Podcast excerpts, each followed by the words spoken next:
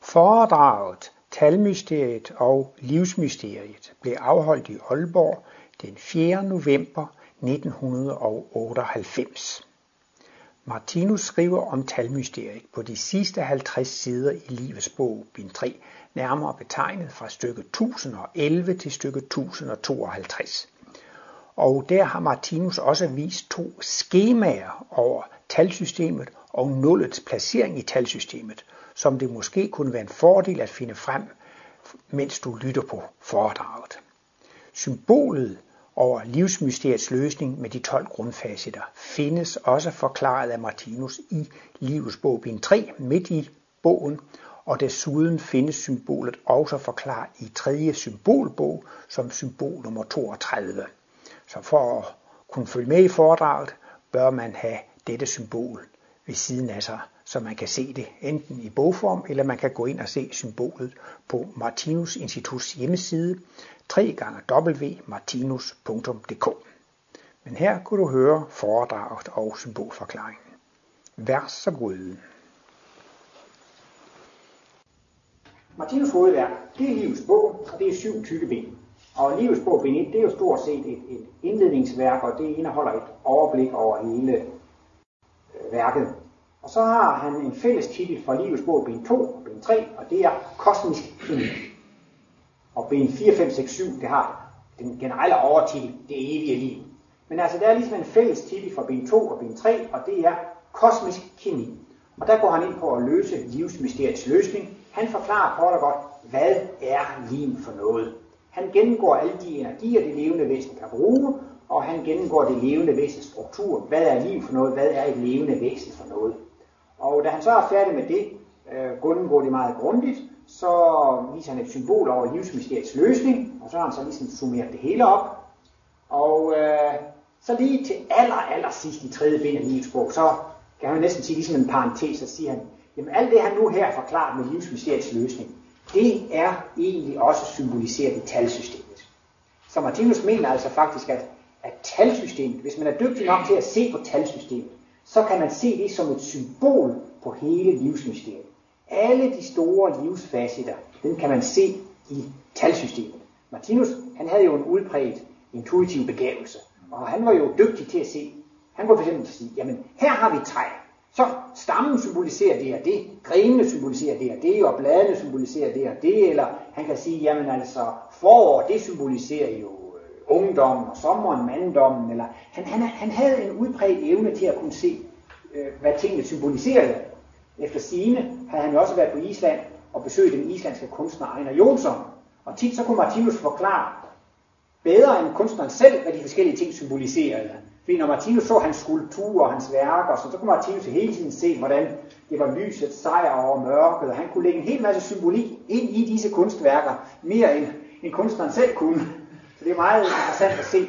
Og så har Martinus altså arbejdet med talsystemet, og så har han kommet frem til, jamen altså hele livets struktur er i dette talsystem. Og øh, vi har jo et sprog, hvor vi har et alfabet, og der er vist, er, det, er det ikke 29 bogstaver? Eller hvor mange er det? Er der 28? 30? 28. Der er 28 bogstaver. Og det er jo dejligt, fordi når børn skal i skolen, så kan de nøjes med at lære 28 bogstaver. På en gang tænkte jeg, hvis I var født i Kina, for at beherske det kinesiske sprog nogenlunde rimeligt, så siger man, at man skal kunne 2.000 skrifttegn. Og hvis man er virkelig højt uddannet og intellektuelt, så kan man 5 eller 8.000 af de her skrifttegn. Og det er jo et kæmpe arbejde at lære så mange skrifttegn. Det er godt, Men øh, vi kan måske også prøve at forestille jer, hvad nu, hvis det var det samme med tallene? Hvad nu, hvis der var et specielt tegn for hver tal? Men hvis man så skulle skrive en million, så skulle man jo lade tal op til en million. Så skulle man lære at kende en million forskellige tegn. Altså I kan godt se, det er jo næsten umuligt at lære en million forskellige tegn. Og skal man så arbejde ind på Christiansborg med, med statsbudgettet, så skal man til at regne i milliarder, ikke? Det er fuldstændig umuligt at kunne lære en milliard forskellige tegn at kende. Men uh, talsystemet, det er jo så uh, lige så genialt som det her med bogstavalfabetet. Og her har vi ikke 28 bogstaver i talalfabetet, der har vi kun 10 bogstaver i talalfabetet, og så kan de genbruges, så det er jo det, der gør det så meget genialt. Og øh, det er relativt enkelt at, at forstå selve det her med, med, med tallene. Det, der egentlig er det svære at forstå i Martinus forklaring af talsystemet, det er det her med nul. Og i det hele taget kan man sige, det der er så svært med at forstå kosmologien og livsmysteriets løsning, det er det evige eller det uendelige. Fordi øh, man skal have noget intuition for ligesom at kunne opleve i evigheds- eller uendelighedsdimensionen. Og øh, det der er så specielt ved Martinus forklaring af det levende væsen, det er kort sagt, eller meget populært sagt, at det levende væsen har to sider. Det har en evig, uendelig side, og så har det en timelig eller og en begrænset side. Altså vi har ligesom to sider. Vi har jo en fysisk krop, der er skabt. Det er altså en timelig, en skabt foretagelse, og så har vi en evig side. Men normalt så beskæftiger folk sig ikke med evige ting. Man beskæftiger sig kun med skabte ting, og er man sådan naturvidenskabsmand, så accepterer man kun eksistensen af det, der kan måles og vejes. Og det vil sige, at man udelukkende arbejder med skabte ting. Og det gælder det for alle skabte ting, at de har jo en begyndelse, den der, de er blevet skabte, men på grund af friktion og brand og alt muligt andet, så er det ingenting, det kan vare evigt. Så alt, hvad der har en begyndelse, det har et ophør. Og tager vi også sådan et kabel der, og finder her begynder det, så hvor slutter det? Så er det bare at følge kablet tilstrækkeligt længe, så kommer vi til slutningen. Og det er jo faktisk umuligt at forestille sig, at det er et kabel, der begynder her. Så begynder vi at følge kablet. Og vi, så, det, så kunne det måske være evigt i den anden ende. At man aldrig kunne komme til slutningen af kablet. Men det er det jo ikke nogen, der tror på. Altså har vi et kabel, der har en begyndelse, så ved vi også med sikkerhed, at det har en afslutning. Men der er det altså det levende væsen. Det er altså en konstruktion, som vi overhovedet ikke har set magen til i det skabtes verden. Vi har overhovedet ikke arbejdet med noget sådan. Fordi det levende væsen, det har et evigt jeg. Når vi siger, jeg spiser, jeg går, så refererer man til denne inderste væsens kerne, denne jeg. Og det er ikke noget, der er skabt. Det jeg har altid været der. Det er en evig foretagelse. Det er aldrig begyndt. Det kan man aldrig ophøre. Men altså kroppen, den har en begyndelse, og, og den har en afslutning. Martinus fortæller jo om, at da han var 30 år, så fik han kosmisk bevidsthed, og han gennemgik nogle indvielsesprocedurer. Først talte han om den hvide ilddåb. Det var der, hvor han så en kristusfigur, der gik ind i sig. I ham og han så det i en lysstråle ud, og jordkloden drejede rundt i denne lys fra Kristusfiguren, og det var så der, han forstod, at han skulle føre kristendommen frem til sin endelige sejr, altså fuldkommengørelsen af kristendommen. De kristne lande, det er jo de bedste krigere. De har de bedste af bomber, missiler og robotter osv. Man kan jo ikke sige, at det er kristens. Jesus han var absolut pacifist. Man skal vende den anden kind til, man skal bede for sin fjende om det korsfæste. Intet i kristendommen, der retfærdiggør, at de kristne lande har sådanne øh, morvåben. Så man kan godt se, at kristendommen ikke sejrede endnu. Det var det, han kaldte for den hvide ilddåb. Men det, jeg vil frem til, det var faktisk det, han kalder for den gyldne ilddåb. Og der siger han altså, at han havde en meget ophøjet oplevelse. Og der oplevede han, hus, værelset forsvandt, huset forsvandt, hans krop forsvandt, altså han fandt, han fandt sig altså ligesom uden for tid og rum. Og der fortæller han så om, at højdepunkt, det var, da han oplevede guldglorien, eller guldoceanen. Han oplevede altså det højeste, man kan opleve. Og der siger han så, at han oplevede nogle guldtråde. Men han har beskrevet det også i Livets bog, bind 6, og så har han skrevet lidt om det i den her bog, der hedder Omkring min missionsfødsel. Men der, der, der fortæller han altså en oplevelse, han havde af det, at han så nogle guldtråde, som vibrerede i den ene ende. Altså der, der rørte de sig. Det er ligesom, om man så må sige, den skabte ende. Men disse guldtråde, de fortonede sig umærkeligt ind i stilheden, ind i uendeligheden, hvor de ikke rørte sig. Og der kan, kan man så sige, der, der oplevede han dette møde mellem det evige og det uendelige, og så det skabte. Eller dette mærkelige møde mellem stillheden og bevægelsen. Det, det er svært at forstå, hvordan jeg, som er stillet det evige, at det kan sætte en bevægelse i gang. Det er jo, det levende væsen har altså de her to sider, altså både en evig side, og så en, en timelig side, hvor tingene bevæger sig. Men han forklarer altså, at det er jeg, som sætter denne bevægelse i gang. Og det var altså, det oplevede Martinus der, om jeg så må sige, denne overgang, denne umærkelige overgang fra, hvordan bevægelsen fortoner sig ind i stillheden, og måske også omvendt, hvordan jeg i den stillheden kan sætte en bevægelse i gang. Og det er jo så altså er i øh, overbevidstheden eller i X2. Martinus har jo så yderligere sagt, jamen altså ude i de her to sider, den skabte og den evige side, så er der et bindeled. Og den evige side, hvis noget er evigt, jamen så, så, er, det jo, så er det jo uforanderligt. Fordi at hvis det uh, har forandret sig, så er det jo ikke det samme. Så er det jo ikke evigt. Men altså når noget det er evigt, så er det jo uforanderligt det samme. Og derfor kan der heller ikke være nogen bevægelse i, i dette jeg. Fordi lige snart det er bevæget sig, så er det jo forandret sig. Så er det jo ikke det samme. Så er det jo ikke evigt. Og øh, jeg tror også, hvis man læser i begyndelsen, eller i midten af tredje bind af livets bog, der har han meget med at forklare, hvordan jeg vender energierne, hvordan energierne fra bevægelsernes verden bliver oplevet af jeg som er stillhed. og hvordan jeg bagefter giver udtryk for det. Og der er fire sider om det der med jegs vinding af energierne, og det synes jeg, det er noget af det sværeste overhovedet at forstå med, hvordan dette møde foregår mellem evigheden og, og, og det skabte. Og øh, det kan man så sige her, det er altså også det, der er det svære ved, ved, ved det her. Og, og Martinus synes, at det der med nul, det er altså et fantastisk godt symbol på jeg, eller på det evige. Og denne, Martinus har denne tredeling af det levende væsen med x1, x2, x3, hvor x1, det er altså jeg, det er det evige, det er det uforanderlige. Det er stillheden, men det er altså også det faste punkt, hvorom al bevægelse drejer sig. Og så har han så altså x2, det er at skabe evnen. Det er den evne, som det der jeg har til at skabe til at bruge energierne til at sætte energierne i gang. Og man kan også godt kalde skabe evnen for en oplevelsesevne. Man kan både sætte bevægelser i gang, og man kan opleve resultater af disse bevægelser. Og så altså har han X3, det er det skabtes verden. Det er energiernes verden. Altså X3, det er verden af alle disse energier, som vi kan opleve. Det er både fysisk og åndelig energi. X3 det er ikke bare den fysiske verden, det er både den fysiske og den åndelige verden. Og den X3, det skabtes verden, den består jo af alle disse seks forskellige grundenergier. Instinkt, tyngde, følelse, intelligens, intuition og hukommelse. Og man kan så sige, altså, jeg, det er altså den eneste årsag. Det er ligesom starten til det hele. Men øh, jeg i sig selv, det er jo ligesom, det er ikke give sig til kende. Det skal have en skabe evne, og så lære noget skabt for at give sig til kende. Og nullet her, siger Martinus, det er altså et symbol på jeget. Og her kan vi så sige, nu kan vi så begynde at tælle 1, 2, 3, 4, 5, 6, 7. Vi kan, altså, vi kan lave en optælling. Så siger Martinus, jamen er det der ikke et glimrende symbol på udvikling? For når vi udvikler os, så gør vi jo en lang række oplevelser. Vi udvikler os i kraft af erfaring og oplevelser. Og så kan man jo sige, jamen altså udvikling, det er jo egentlig også en optælling af oplevelser.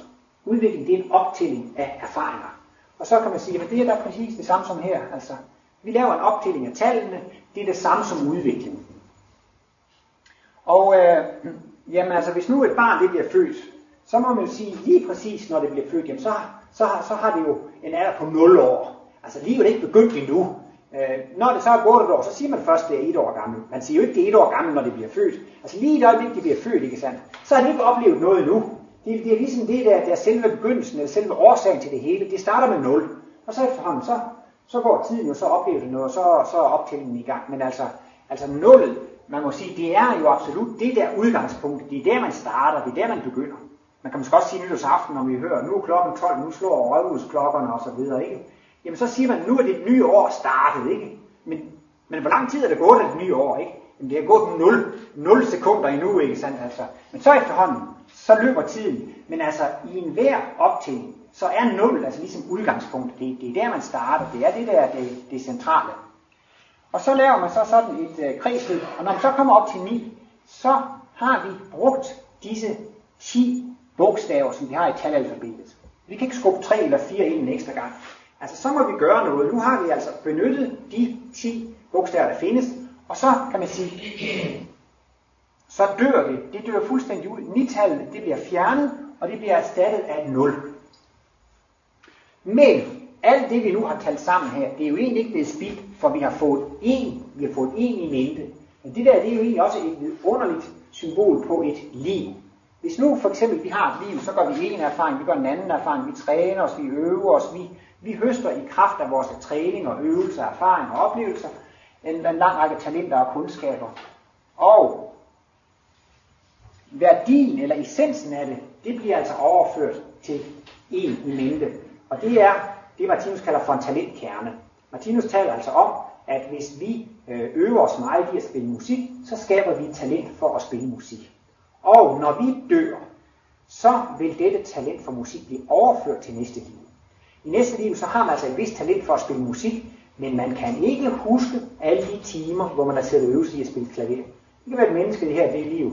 Jeg ved ikke, om det har spillet 10.000 timer på piano, eller måske 100.000 timer, ikke? Man kan ikke huske eller skælde de enkelte timer fra hinanden, men det har givet sig udslag i, at vedkommende har fået et større musikalsk talent. Og så dør det menneske der. Og næste gang det bliver født, så bliver det født med resultatet, eller med essensen af alt det, der har lært i de tidligere kredsløb. Jeg kan ikke huske detaljerne, men essensen eller resultatet er blevet overført. Og det er også ligesom her, man kan sige, hvis vi starter med 10, ikke sandt? så kan man ikke huske alle de der enkelte enheder, men man har fået foræret resultatet af det tidligere kredsløb i kraft af, at man har fået dette et-tal. Det er altså ligesom en talentkerne. Martinus siger også i et foredrag, at for at blive et geni i musik, så må man mindst bruge to-tre liv. Og hvis man vil være geni inden for et felt, så må man, så må man være parat til at bruge hovedparten af sit liv på denne interesse. Så man kan måske sige, at hvis man tre liv virkelig arbejder med musik, og kun arbejder med musik, så kan man blive geni inden for det område. Men at blive et moralgeni, at blive et fuldkommen menneske, det tager jo tusindvis af, af, af liv. Og øh, det kan jo altså være, som sagt, flere liv at blive Mozart. Men øh, det er jo altså det ved det. Vi kan ikke huske de tidligere liv. Og så er der jo nogen, der spørger, hvordan kan man så udnytte erfaringerne fra tidligere liv, når man ikke kan huske de tidligere liv? Og der siger Martinus, at øh, man behøver ikke kunne huske de tidligere liv for at udnytte disse erfaringer. Fordi disse erfaringer fra tidligere liv, de bliver overført i form af talentkerner. Altså et barn, det fødes så automatisk med et musikalsk talent. Men talentet skal på en eller anden måde vækkes til live. Dette talent, det skal ind i det nuværende livs dagsbevidsthed. Og det siger han så, det kommer det takket være en repetition. Så vil børnene begynder at spille musik og øve sig. Alt det, vi oplever i barndommen og ungdommen, det er en repetition af det, vi har haft i tidligere liv. Så takket være den repetition, bliver disse talentkerner vagt til live. Og øh, der kan man sige, at det var da egentlig et, genialt symbol. Så får vi så et, et nyt liv her. Så siger vi 11, 12, 13, 14, 15. Vi gør en masse spændende oplevelser. Vi oplever videre 18, 19. Og vi kan jo i vores liv huske alle de her erfaringer, vi har gjort. Men altså så, så kommer man så til alderdommen, og så, så dør man. Jeg kan ikke proppes flere tal ind. Og så nulstiller man. Så begynder man altså på et helt nyt kredsløb, takket være nul. Men resultatet af alt det, der lært i det kredsløb der, det er så blevet bagt ind. Vi har fået en mere i mente. Nu har vi fået 20.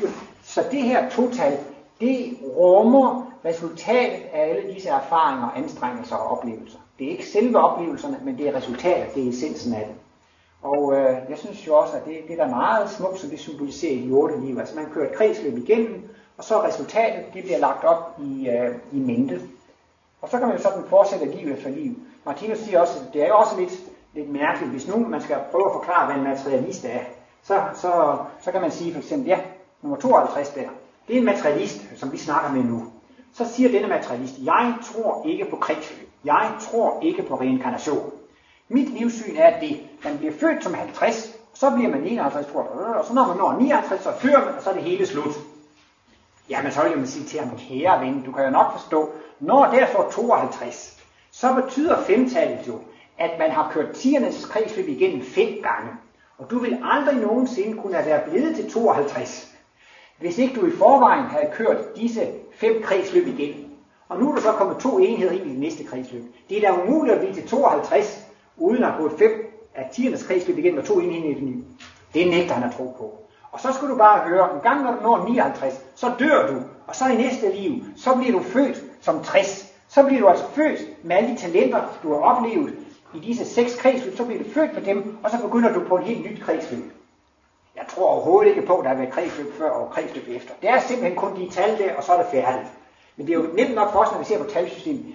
Jeg kan også have taget nogle større tal, men man kan jo se, at det tal, det er jo blevet skabt af, at man har optalt alle de underliggende tal, man har gået alle de der kredsløb igennem. Og det er jo det samme, som man siger, jamen altså, du har jo mange evner, hvordan tror du, de er kommet til? Ja, det må jeg bare starte med.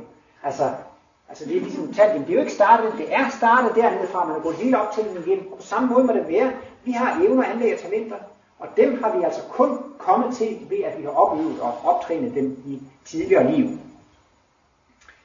Og øh, så efterhånden, så har man altså gjort det her kredsløb, og nu er vi så kommet op på 98, og vi vil gerne videre, så er vi oppe på 99.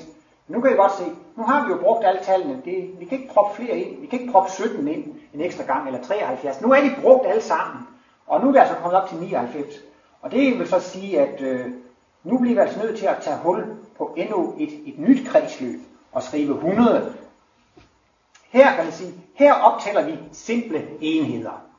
Men herude, det er en optælling af kredsløb. Her har vi altså gået tiernes kredsløb igennem én gang. Så herude til venstre for 0, der holder vi jo egenskab med, hvor mange gange vi har gået i kredsløb igennem. Og så kan I jo godt se, at nu har vi så også brugt talalfabetets tal 9. Så bliver vi altså så bliver vi nødt til også her og øh, går i, i en ny spalte med, med, med 100. Og øh, her har vi altså at vi kan gå, her har han jo detaljeret skrevet tiernes kredsløb op. Her er jo altså 10, 10 kredsløb, som han har skrevet detaljeret ud. Og det er jo ikke rigtig plads til her.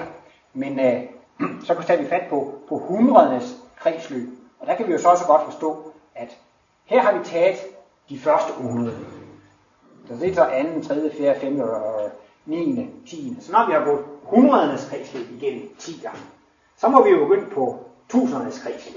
Så, og det kommer han jo så til hernede. Øh, så bruger Martinus også nogle gange det udtryk. Det her, det kan vi kalde for kredsløb af første grad. Tiernes kredsløb, det er kredsløb af første grad. Og hundredernes kredsløb, det er jo kredsløb af anden grad. Og tusindernes kredsløb, det bliver jo som med 3 0, det bliver kredsløb af tredje grad. Og det bliver så kredsløb af fjerde grad og af femte grad. Men det er jo interessant at se, at til højre for nullet, der har vi altså alle enheder, der har vi alle de detaljerede oplevelser. Det er altså et symbol på ekstrem. det er her vi har alle vores detaljerede oplevelser. Det er bevægelsernes verden, det er energiernes verden. Men altså nullet, det er altså det faste, urakelige udgangspunkt, og vi kan se, altså hver gang vi skal begynde på en ny søjle eller på et nyt kredsløb, vi må altid gå ud fra, fra nullet. Så man kan ligesom sige, altså det er altså det er evigheden eller uendeligheden eller x det er altså det faste punkt omkring, hvilket det hele drejer sig. Og alt det vi har til, til venstre for, det er jo altså det, man kan kalde for talentkerner. Og talentkernerne, de sidder jo ikke i den fysiske krop. Når vi dør, så er det jo det, at det er kroppen, der forsvinder, men vores talenter kan overføres til næste liv, fordi talentkernerne, de er lagret i overbevidstheden. Øh, I det, Martinus kalder for skæbneelement. Og det er altså også det, han kalder for X2. Så disse talentkerner, de er lagret i x2. Så den måde, som Martinus har stillet talsystemet op på her, det er jo faktisk det samme, som han har tegnet et symbol over x1, x2, x3. Der er måske nogle af jer også, der sådan lige umiddelbart kan huske det her symbol af Martinus med en trekant. Så er det de hvide for oven, det er x1, og så er modenergien, det er x2, og så nedenunder er det de seks farver, det er x3. Så ligesom Martinus har tegnet et symbol, x1, x2, x3, altså det er skabeevnen, Nej, det er skaberen, og skabeevnen og det skabt. Det er et levende væsen. Ikke? Jamen, sådan som han har tegnet talsystemet her, så er han jo faktisk her et symbol, ligesom det. I det man kan sige, nullet, nu sidder, det er altså den eneste forskel, nu er 0 bare i midten her, ikke? X1, det er i midten. Det er talentkernen, det er X2, det er til venstre for, og alt det der til højre for, det er altså X3. Så på den måde, så kan man jo sige, jamen der kan I se, talsystemet, det rummer altså det levende væsens struktur, og øh, Ligesom man kan sige, men vi har altså noget timeligt, vi har noget skabt. Altså, nej, ja, det, det time, er skabt, det er det samme, men så har vi jo evigt. Og det er jo klart, alle disse enkle enheder, jamen det er jo det timelige, det er det skabte, det er det begrænsede. Men altså, det her talsystem med det her cirkulationssystem, det duede ikke uden nullet. Altså i, i primitive kulturer, der har man talt lidt på fingrene. Og der har man jo ligesom, nogle gange har man kun kommet til 20, fordi man har 10 fingre og 10 til, og så har man ikke kunnet komme længere. Altså man kan sige, vi har aldrig rigtig fået noget skik for det her talsystem, før vi har fået det på 0. Romertallene, det er jo forfærdeligt. Jeg aner altså ikke, hvordan man skulle forkorte og gange og dividere brøker i romertal, altså, når man ikke har 0 med. Man kan sige, talsystemet, dutter ligesom ikke, hvis man ikke har et 0 med. Men der kan man også omvendt sige, jamen altså, en forklaring på livet, hvor man ikke har evighedselementet med, det du altså heller ikke. Altså talsystemet, det blev først sat skik på det, da 0 kom med. Jamen hvis vi skal have en ordentlig forklaring på, hvad er livet for noget, hvordan fungerer livet, man kan heller ikke få en ordentlig forklaring på livet, før man tager fat i det her med evigheden eller uendeligheden. Og det er jo altså netop der, hvor nullet kommer ind. Man kan altså også sige, mange mennesker de tror på, at de har et liv, og de har så problemer og besværligheder, og kan ikke forstå, hvad det hele drejer sig om. Og det, der virkelig forandrer det hele, det er, når man får et flerlivsperspektiv, eller når man får et evighedsperspektiv. Det er altså virkelig en stor revolution, når mennesket begynder at se på livet i en evighedssynsvinkel. Så får det hele altså en helt anderledes mening. Og det er også det, Martinus har haft som sin store opgave at forklare meningen med mørket. Hvorfor findes smerten og lidelsen? Hvorfor har vi alle disse problemer? Og det kan man kun forklare ud fra en flerlivsteori. Det kan man jo kun forklare ud fra. Og så falder det hele jo på plads. Øh, Martinus, han skitserer jo dette, at man kan kun opleve noget, hvis der er kontraster. Hvis det, det var skrevet med hvide bogstaver på, på, på hvid øh, karton der, eller så er på hvid der, vi kunne ikke se noget. Altså, når det er sort på hvid, så kan vi opleve det. Og øh, det, det er også altid brugt det der med de der billeder i sort-hvid, ikke? Hvad er det vigtigste? Det sorte eller det hvide i billedet? Hvad er det vigtigste? Hvad er det vigtigste i yin og yang, det sorte eller det hvide? Det er lige vigtigt. Og hvis billedet skal være skarpt, så nytter det ikke noget, at blinden er åben i for lang tid. Så bliver det overbelyst. og så forsvinder skyggerne. Hvis blinden er åben i for kort tid, så bliver det underbelyst, så bliver det for mørkt. For at få et skarpt billede, skal der være en perfekt balance mellem lys og mørke. Og på samme måde kan man sige, for at få en perfekt Nej, livsenhedsprincippet. Martinus siger, hele universet er opbygget efter en ganske bestemt struktur, og det er levende væsener, inden i levende væsener, inden i levende væsener, inden i levende væsener. Jeg er et levende væsen, men mine organer er også levende væsener. Og cellerne er levende væsener, og molekylerne er levende væsener. Men hvis jeg var lavet af sten, så var jeg jo ikke levende. Jeg kan kun fungere som et levende væsen, når alle mine levende organer fungerer. Og et levende organ kan kun fungere, når de levende celler fungerer. Og cellerne kan kun fungere, hvis de består af levende molekyler. I kender godt de her russiske dukker, som man kan, når man pakker en dukke ud, så er der en dukke indeni. Og man taler også om de kinesiske æsker. Hver gang man åbner en æske, så er der en ny æske indeni. Og Martinus forklarer jo også, at jordkloden er et levende væsen. Og biologer og økologer, de er også ved at komme på de tanker, at jordkloden var et levende væsen. Og jordkloden, den var ikke levende, hvis den ikke levede i et levende solsystem. Hvad var vi uden solskin? Så var det ingen fotosyntese, så var der ingen planter, og hvis der ingen planter var, så var der ingen dyr, så var der slet ikke noget liv på, på jorden. Og man kan også sige, hvis jeg skulle leve alene på månen, som er en død verden, der kunne jeg jo ikke leve. Jeg kan kun leve, hvis jeg lever på en levende planet, som lever inde i et levende solsystem. Og jeg, kan, jeg, jeg, jeg duer ikke, hvis det er lavet af sten. Det skal være lavet af levende organer og levende celler. Og så kan vi altså se, intet væsen kan være levende, uden det er opbygget af levende væsener. Og det skal have et livsrum, som også må være levende væsener. Og det er altså hele verdenshandels struktur. Solsystemet er så et levende væsen i galaksen. Vi skal alle sammen have et livsrum at leve i, og vi skal også alle sammen have en organisme at bruge. Jamen altså, så kunne, hvis nu for eksempel, vi bare lige siger her, 1000, det er mig, så kan man måske bare sådan et symbol sige, jeg har 10 organer, ikke? Og det er så de her 10 forskellige organer, jeg har, ikke? 1000, det består jo af 10 forskellige organer her, kan vi sige, ikke? Og så kan man også sige, jamen det her organ her, det består jo også af 10 celler, som består af de der enheder, ikke? Så man kan jo ligesom se, altså ligesom det er liv inden i liv inden i liv, så er det jo tiernes kredsløb, de er inde i hundredes kredsløb, de er inde i tusindernes kredsløb, de er inde i titusindernes kredsløb, så kan man altså se, jamen hele verdens alle struktur er jo indbagt i talsystemet. Og øh, det er ikke med her, men Martinus nævner det også lige kort. Man kunne også godt have lavet et kredsløb, som så begyndte med 0,1, 0,2, 0,3, 0,4. Og når vi så er op til 0,9, så, så må vi begynde på et nyt kredsløb derhen. og det kan jo også blive et fantastisk godt symbol på mikrokosmos. Nogle gange kan man måske synes, det er svært at forstå, at, at, at molekyler, når celler er levende væsener, molekyler, atomer, elementare partikler, og det, Martinus siger, de fortsætter det uendelige nedad i mikrokosmos. Vores, med vores sanser kan de ikke se det, men altså det fortsætter i det uendelige ned efter, og det er lidt svært at gribe, når det kan se det. Men jeg synes, det er nemt at forstå med tallene. For der kan man ligesom sige, jamen så kan vi tage tiende delene. Jamen vi kan også godt tage 100 dele. 1, 2, 3, 4, 5, 6, 7, 8, 100 dele, og det kan lave et kredsløb. Jamen vi kan tage tusinde dele. Vi kan tage millioner dele, milliarder dele. Og så ligesom, jamen det er ingen grænser for, hvor lille vi kan gøre et tal. I kan ikke nævne et tal, der er så lille, at jeg ikke kan nævne et tal, der er mindre. Og det vil sige, jamen der kan man se med tallene, der er det nemt at forstå. Man kan blive ved og blive ved med at finde et tal, der er mindre end det foregående tal. Og I kan heller ikke nævne et tal, der er så stort, at jeg ikke kan nævne et tal, der er større. Og det er også et glimrende symbol på, at vi, øh, vi, vi udvikler os fremad og bliver altså Martinus taler jo altså om, at øh, når man har været molekyler og atom, jamen så bliver man et cellevæsen, så bliver man et organvæsen, så bliver man et organismevæsen, så bliver man en jordklode, så bliver man et solsystem, så bliver man galakse, og så fortsætter vi uendelige opad. Det er lidt efter princippet med en snemand. Hver gang man har rullet en snemand en omgang, så har man ligesom lagt et lille lag til sin vækst. Og på den måde kan man også sige, at vi udvikler os fra mikrokosmos imod makrokosmos. Og det er så også i kraft af denne optælling, som er det samme som, øh, som udviklingen. Så også problemet med mikrokosmos og makrokosmos, livsenhedsprincippet. Og, og en anden ting, man også kunne tage det er det, Martinus siger. Men vi kan jo se livet, og livet viser, at mine analyser er sande. Og øh, man skal bare ligesom kunne se det, og der kan man også se i livet, at det er opbygget af kredsløb, inden i kredsløb, inden i kredsløb, inden i kredsløb. Vi kan for eksempel tage et kredsløb, vi kender godt. Det er nat- og dagskredsløbet. Så kommer nat og dag, nat og dag, nat og dag. Det er et kredsløb. Men hvis vi begynder at tælle de der kredsløb op, og vi er kommet til 365 kredsløb, så siger vi, nu begynder vi på en frisk. Nu er det nytår. Og det vil altså sige, at øh, så Øh, har vi øh, fået øh, jordkloden til at gå en gang rundt om solen. Ikke? Så man kan sige, altså et dagskredsløb, det er et enhed i et større kredsløb, netop årskredsløbet. Men man kan også sige, at vi har også et livskredsløb. Det er noget med, at vi har barndom, ungdom, manddom og alderdom.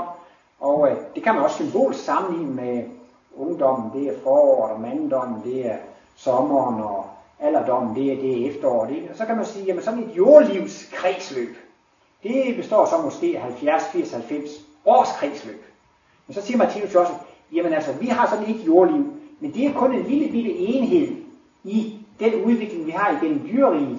Altså, vi skal have mange fysiske inkarnationer for at komme igennem dyreriget. Det er måske millioner, men når vi så har gjort en million jordlivskredsløb, så har vi udviklet os fra planteriget gennem dyreriget til det rigtige menneskerige.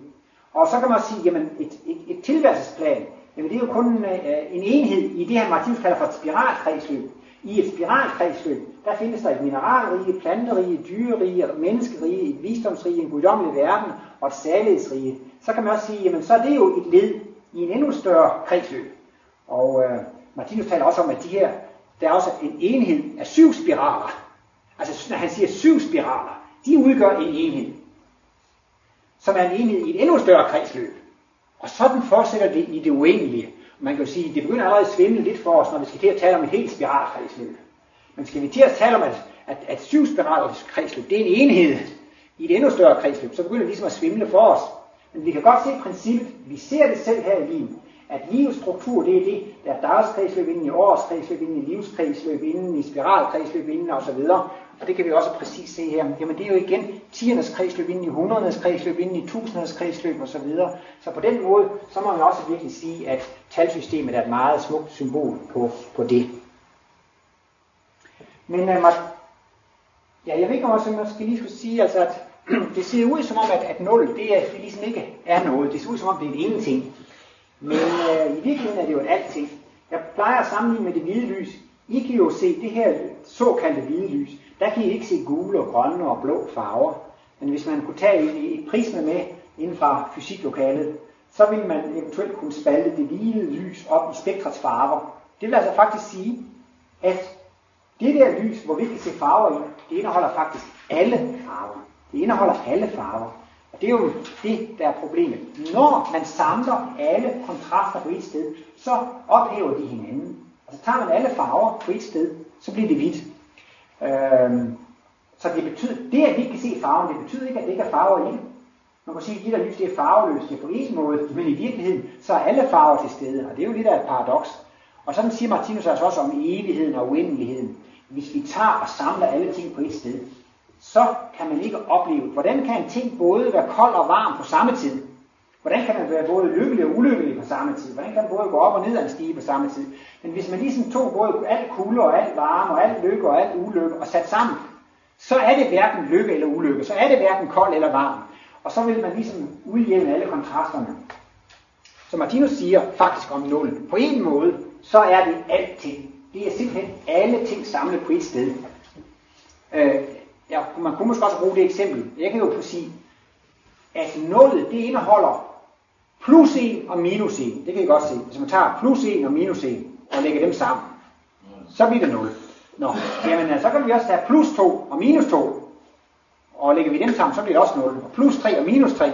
Så på den måde kunne jeg egentlig godt sige, tallet 1, tallet 2, tallet 3, tallet minus 1, minus 2, minus 3 er indeholdt i 0. Så kan I godt se, at man kan på den her måde hæve det. Alle tal er repræsenteret i 0. Men lige med at du tager alle tallene på én gang, så ophæver de hinanden.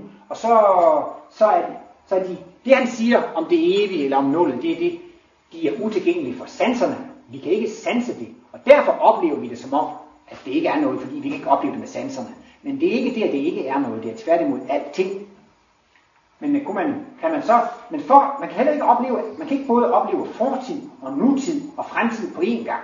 Vi kan jo kun stå her og opleve vores nutid. Det er umuligt at opleve alle tider på én gang, og det er også umuligt at opleve alle ting på én gang. Fordi skal man opleve alle tider og alle ting på én gang, så skal man opleve alle kontraster på én gang. Og det kan man ikke. Man kan ikke både være lykkelig og ulykkelig. Så man er altså, for at kunne opleve livet, så er man altså nødt til at pille denne evige uendelighed ud i små stumper. Så er vi nødt til at sige, minus 3, minus 2, minus 1, plus 1, plus 2, plus 3. Så, så tager vi en kontrast og oplever den, og så smider vi den anden væk. Hvis jeg kunne tage det hvide lys her og sige, nu smider jeg det grønne lys væk, væk med det grønne, så vil det røde dominere. Hvis jeg kunne sige, nu smider jeg det blå lys væk, så, så vil det gule dominere. Og sådan er det altså, vi er nødt til at tage evigheden og uendeligheden og pakke dem ud i små pakker. Og så er det altså, vi, vi, vi kan opleve dem. Men det er altså, kan man sige, det, der er det svære ved at forstå, hvad liv er for noget, hvad livsmysteriet er. Og det er også det, der er det svære ved at forstå Martinus forklaring af talsystemet. Så det er ikke tal, når det, der, det er den store matematik, men det er det der med den rolle, som nullet spiller. Og nullet, det er altså det, Martinus kalder for exit. Det er jeg, det er evigheden, det er uendeligheden. Det er det, der holder alting. Det er det faste punkt. Det er det, der starter alting. Altså man ville overhovedet ikke kunne få startet kredsløbet, hvis man ikke startede med dette nul. Og øh, netop når han så også har tegnet det på det her, så kan vi også ligesom se, at det er den faste akse, hvorom hele livet drejer sig. Og det er altså det urokkelige begyndelse. Men han har også tegnet et schema over nullets betydning. Jeg skal bare vise de her to plancher, deres den anden. Og øh, der har han lavet en plan over nullets betydning. Og her har han også lige tegnet, her står vi ved tal 1000. Og jeg tror nok, han med den streg der også vil markere, at talsystemet, den repræsenterer også det, vi kalder for nutid. Ikke? Så vil de små tal her, det er jo egentlig vores fortid, det er de sammentællinger, vi har været igennem. Og det derude, det vil være vores fremtid. Og øh, dette 0 her, det er altså dette evighedselement. Det er dette evige uforanderlige jeg, eller x1. Men her har han sat et andet 0 foran. Og øh, det er egentlig det, han kalder for et optællingsnul. Øh, der er nogle gange, så skriver man kg, det er kilogram. men Det er altså en slags forkortelse. Vi skriver bare kg, det er en underforstået, at det er kilogram. Eller man skriver kr, det er kroner. Det er, man skriver ikke KRU, KRONER. Altså nogle gange, så laver man en slags forkortelse, hvor der er noget, der er underforstået. Og der mener Martinus altså, at det mest korrekte, det vil altid være at starte med at skrive et 0 foran tallet. Øh, I kender jo den nye moderne skala for karakter i Danmark. Der kan man få karakteren 3, og så skriver man karakteren 3 ind. Men så er man åbenbart bange for, at studenten på sit eksamensvis lige skal komme til at sætte et streg foran tretallet. Så står der 13, så er det blevet til en flot karakter. Man kan til og med også, hvis det er meget dårligt, få et 0. Der kunne man også føle sig fristet til på sit eksamensbevis lige at slå en streg foran, så det stod 10. Så på eksamensbeviset, der står der altid 03, hvis man er været så uheldig at få sådan Altså det står 00. Og der kan man altså sige, at når der står, ja, det er glad for, at der er nogen, der ser måben ud i det her 03. Det betyder bare, at I aldrig oplever at få et 03, så det er jo kun godt. Så det er ikke så rart at få et 03. Men det, det egentlig betyder med sådan 03, det betyder faktisk bare, vi er i gang med etternes kredsløb. Vi er endnu ikke nået til tiernes kredsløb. Altså, disse tal her, det er jo etternes kredsløb. Og så må man jo faktisk bare sige, at vi har endnu ikke påbegyndt tiernes kredsløb. Det her, det er altså evighedsnålet. Og det der, det er altså et optællingsmål. Og her tæller man 1, 2, 3, 4, 5, 6, 7, 8, 9. Og så længe man tæller 1, 2, 3, 4, 5, 6, 7, 8, 9, så skulle man altså egentlig skrive det her 0, 1 og 0, 3 og så videre. Og det der 0, det markerer simpelthen bare, vi har endnu ikke taget hul på tiernes kredsløb. Det er bare det.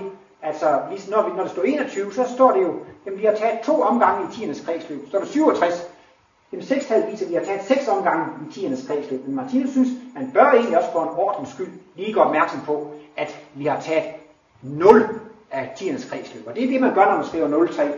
Jeg har også lagt mærke til på computeren, hvis jeg skriver for eksempel 11, 14, 17, og så putter et syvtal ind, så skulle man jo tro, at syvtal det ville blive puttet ind foran 11 og Men når det begynder med 7, så bliver det sat dernede, hvor det skulle stå 70 eller 700. Altså, så skal man skrive 07.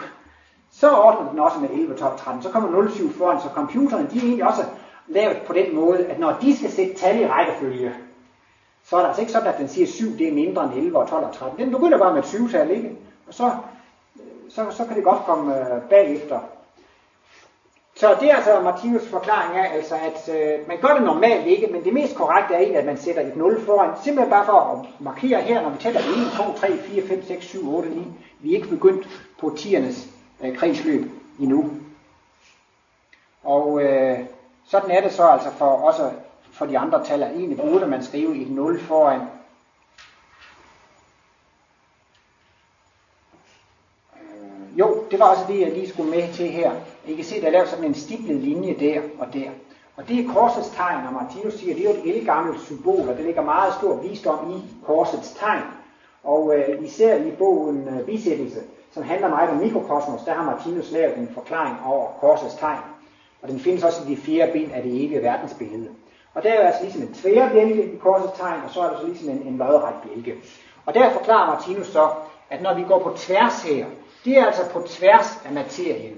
Og det vil altså sige, at her foretager vi de her simple optællinger. Vi, vi, vi går på tværs af materien, og vi tæller bare op. Og denne simple optælling, det er den samme optælling, metode, som man har i naturvidenskab. I naturvidenskaben, der accepterer man kun mål og vægtfacit, og man kan kun acceptere noget, hvis, hvis altså man kan måle og veje det. Og det er det, Martinus kalder for forskning på tværs af materien. Men med denne metode kommer man aldrig til, hvad liv er for noget, hvad livsmysteriet er for noget.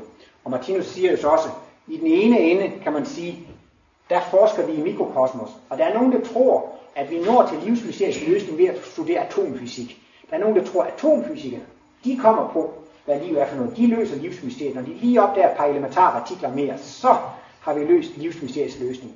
Så er der andre, som arbejder med astronomi, kosmologi der, og de tror jo så også, at det her med Big Bang, så de skal lige have nogle målinger mere, så, så har vi livsmysteriets løsning. Men Martinus taler om, at i mikrokosmos og i makrokosmos, der sanser vi dårligst. Når vi, det er jo ingen mennesker, der siger et atom, og øh, når vi begynder at gå derned i atomernes verden, så begynder det at blive elektronsky, og det bliver faktisk noget tåget og udetaljeret, når vi skal helt ned i mikrokosmos.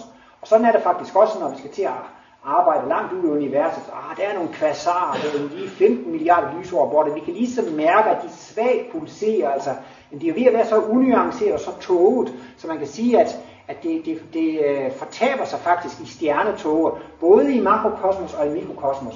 Og der sanser vi altså dårligst, så det er ikke der, vi skal vente at finde løsning på livsmysteriets løsning. Vi skal jo nok vente og finde det her i vores eget mellemkosmos. For her har vi de skarpeste sanser, her kan vi se, det er nogle mennesker, de snakker, vi kan forstå, hvad de siger. Det er jo svært at snakke med jordkloden, det er svært at snakke med solen, det er svært at snakke med cellerne og organerne. Og hvis vi vil finde ud af, hvad det er, livet fortæller os, så er det jo netop her i vores egen størrelsesforhold, vi skal forske i det. Og Martinus taler altså om, at øh, det her, det er bare det, at man måler i, i partikler. For eksempel, så kan man sige, inden for fysikken, her har vi en partikel, den vejer så meget, den bevæger sig i denne retning med denne hastighed. Her har vi en anden partikel, den vejer så meget, bevæger sig i denne retning med denne hastighed. Og så kan man lave en lang række opmålinger af forskellige partikler, der bevæger sig med forskellige hastigheder i forskellige retninger, og så mener man, hvis bare man vidste positionen af alle partikler og deres retning osv., så kan vi forudse fremtiden. Og man taler også om et mekanistisk verdensbillede.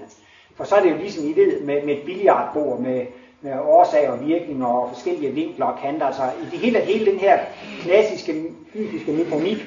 Altså hvis man kender tilstanden nu og kender det, så kan man ligesom rent mekanisk beregne sig til, ligesom man kan beregne med en billiardkugle, når der er friktion og vinkler og hastighed, så kan man ligesom beregne, hvilke sæder den vil rende rundt, og hvornår den vil stoppe på grund af, af, af friktionen. Men det, man aldrig nogensinde kommer på, det er, hvad er meningen med denne bevægelse? Hvad er hensigten? Hvad er planen? Hvad er ønsket, som skjuler sig bag ved denne bevægelse? Og det er så det, der er åndsforskning. Og Martinus kosmologi, det er altså en åndelig videnskab, det er åndsforskning. Og den forsker på en helt anden måde end materieforskningen. Og det er så det, Martinus symboliserer her med den lodrette linje. Det er altså, når det åndelige kommer med ind i, i forskningen. Og et af Martinus' mest kendte eksempler, det er jo det her med bogen. Hvis man tager en bog og præsenterer den fra en anden alfabet, så kan det være en, lad os nu bare sige, det er en dansk bog, ikke? Så står der en, der kan læse dansk, og så står der en anden alfabet. Og hvis de har et normalt syn begge to, så kan de da lige godt se tryksværten. Og de kan bladre rundt i bogen, og de ser præcis de samme billeder. Der er jo ikke nogen forskel på, hvordan i dag ser ud for, for en anden alfabet, eller, eller for en, der kan læse. Men den, der kan læse, kan få indhold ud af bogen. Det kan være, det var et smukt eventyr af H.C. Andersen, og man kan få et vidunderligt indhold ud af den tryksværte. Men den som anden alfabet får absolut intet udhold, indhold ud af denne tryksværte. Og derfor kan man sige, at analfabeten er at sammenligne med den fysiske forskning. Der forsker man kun i de fysiske ting. Man kan ikke se meningen eller hensigten med disse ting. Men øh, åndsforskningen, den skal lære os at se den virkelighed, der er bag de fysiske ting, eller meningen bag de fysiske ting. Og Martinus fremhæver jo så, at den fysiske verden, det er livets skole. Meningen med, at vi er her i den fysiske verden, det er, at vi skal udvikle os. Vi skal lære af livet, Og vi skal til sidst blive fuldkommende væsener. Og det er det samme som at være gudelignende kristne, væsener, eller kristusvæsener, eller, altså væsener, som kun kan være til gavn, glæde og velsignelse for levende væsener. Og vi går i livets skole, og livet underviser os. Og hen i skolen, så lærer eleverne jo ikke så meget, hvis ikke de er klar over, at lærerne kommer ind i klassen, han skal undervise. Hvis de render rundt og vælter stole og smider papirkugler på hinanden, og læreren han står lige så sagt og underviser og fortæller op på tavlen, så lærer eleverne ikke noget. Men så er det, de siger, hov, lærerne er kommet, undervisningen er i gang, og de sætter sig ned og hører efter. Så lærer de jo meget mere, når de er klar over, at der er en lærer, og undervisningen er i fuld gang. Og det er det, Martinus også vil vise her i den fysiske verden. Den fysiske verden, det er ikke et absurd teater. Den fysiske verden er ikke styret af tilfældigheder. Der er altså en lærer i livets skole. Og det er så det, Martinus kalder for, for guddommen. Martinus har også et, et gudsbegreb, som ikke helt måske falder sammen med det kristne gudsbegreb. I det Martinus definerer guddommen som alt, hvad der eksisterer. Guddommen, det er det evige, uendelige verdensalt. Alt, hvad der overhovedet eksisterer, er guddommen. Og det vil sige, at hvert enkelt menneske er en celle i guddommens organisme. Der findes intet uden for guddommen, fordi øh, det er netop defineret som, at det er det evige, uendelige univers. Det inkluderer simpelthen alting. Og dette universvæsen, det er et levende væsen. Og noget, der er fælles for alle levende væsener, det er, at de har tanker, de har ønsker, de har planer, de har hensigter. Og øh, det er selvfølgelig også sværere at forstå, for eksempel hvis man siger, at jordkloden er et levende væsen. Så har jordkloden også tanker og planer og idéer. Og det, der egentlig er pointen med livet, det er det, vi har ønsker, længsler og begær, og de skal alle sammen blive opfyldt. Og alle levende væsener, de stræber efter at få opfyldt deres ønsker, længsler og begær, og de efter, kan man sige, de, de stræber efter at opleve det, der er behageligt for dem. Det er det, de ønsker at begære, og de stræber efter at undgå det, der er ubehageligt. Så det er jo ligesom det, der driver al kraften, man vil have sine ønsker opfyldt. Og det er så det, Martinus forklarer, hvor vigtigt det er, at vi bliver opmærksomme på, at vi er i livets skole, og læreren er i fuld gang med undervisningen. Det levende univers, livet, naturen, eller om man vil, guddom, underviser hvert enkelt menneske af os, og alt, hvad vi oplever. Det er altså et fordel for os. Det er et led i vores udvikling. Og specielt kan man sige, når vi oplever smerter og lidelse, så er det livets undervisning og opdragelse af os. Hvis livets påvirkning af os er behagelig og dejlig, så er livet udtryk for kærlighed og for underholdning. Og det har vi ikke noget svært ved at acceptere, hvis vi møder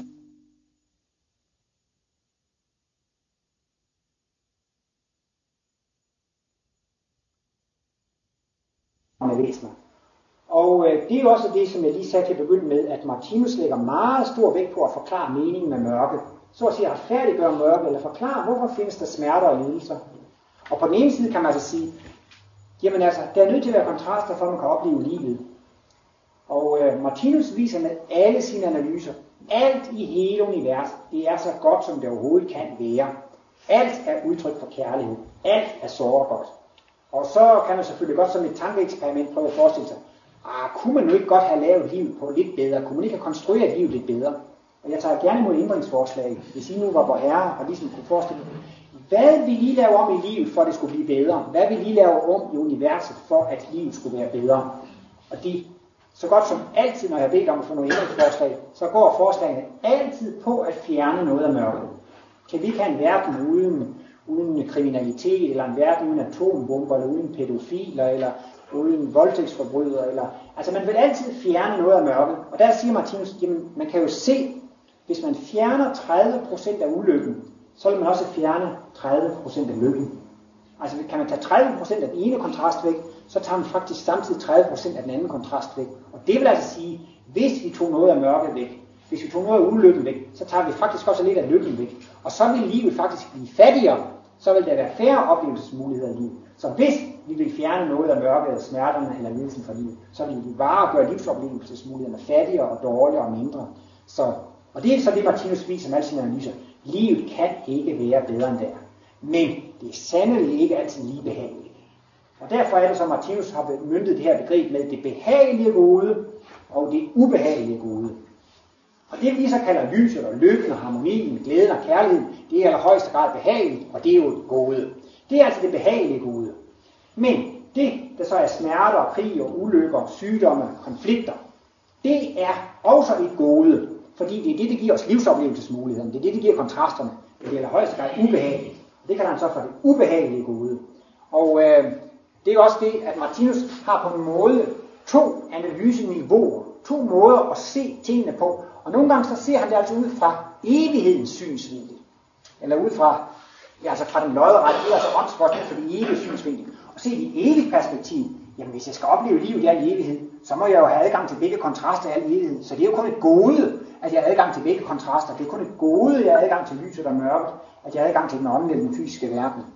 Men ser man det så fra et andet, andet niveau, så vil man jo tro, at jeg er gal, hvis man siger, her står jeg og siger, det er godt med atombomber. Atombomber, det er et gode. Krig, det er et gode. Sygdom, det er et gode. Så vil jo folk jo tro, at jeg er vanvittig, og jeg er gal, ikke sandt? Men der er det altså, at øh, man kan se på det på to niveauer. Og der må man absolut fremholde, at smerter og lidelser og krig, de er i allerhøjeste grad ubehagelige. Og vi skulle stræbe efter at blive kærlige væsener, som kun kan være til glæde og velsignelse for levende væsener. Så med et ord for hver gruppe, så får Martinus, man kan sige, det her med, om det er behageligt eller ubehageligt, det er jo egentlig en timelig analyse. Men det, at det er gode, det er den evige analyse. Og så kommer han dem sammen, det vil sige det behagelige gode og det ubehagelige gode. Så har man altså koncentreret det sammen. Så på den måde kan man altså også sige, at dette talsystem her, det indeholder altså også korsets tegn, som netop er det der med forskningen på tværs af materien, forskningen på langs af materien. Og begge aspekter altså er lige vigtige, fordi vi lever jo i en fysisk verden, som er, som er skabt og begrænset. Men vi har altså også denne evighedsnatur i os.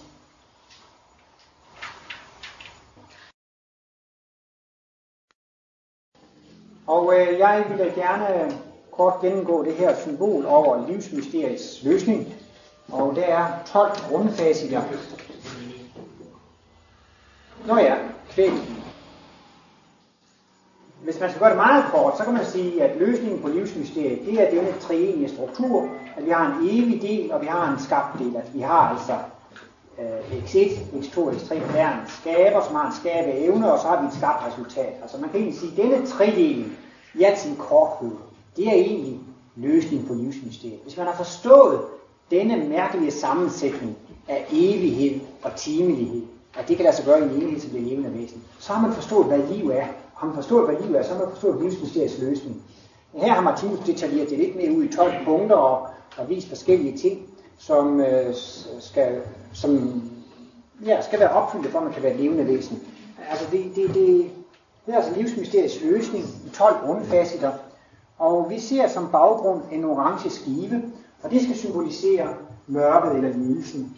Martinus bruger den orange farve som symbol på dyreri, på, på de dræbende princip og på tyngdenergien, det er den eksplosive, ødelæggende energi. Og når det er brugt som baggrund ved livsmysteriets løsning, skal det symbolisere, at mørket det er det største problem for det moderne søgende menneske. Det er simpelthen det, man har brug for en forklaring på. Hvorfor skal det ramme mig? Hvorfor skal jeg have smerte og lidelse? Hvorfor skal der være så meget smerte og krig i verden? Altså man trænger ligesom til at få en få forklaring.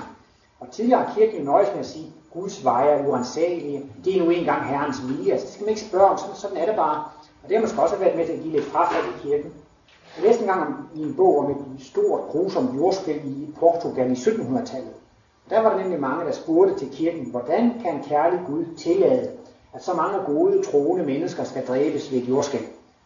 Det havde de altså svært ved at forklare inden for den katolske kirke.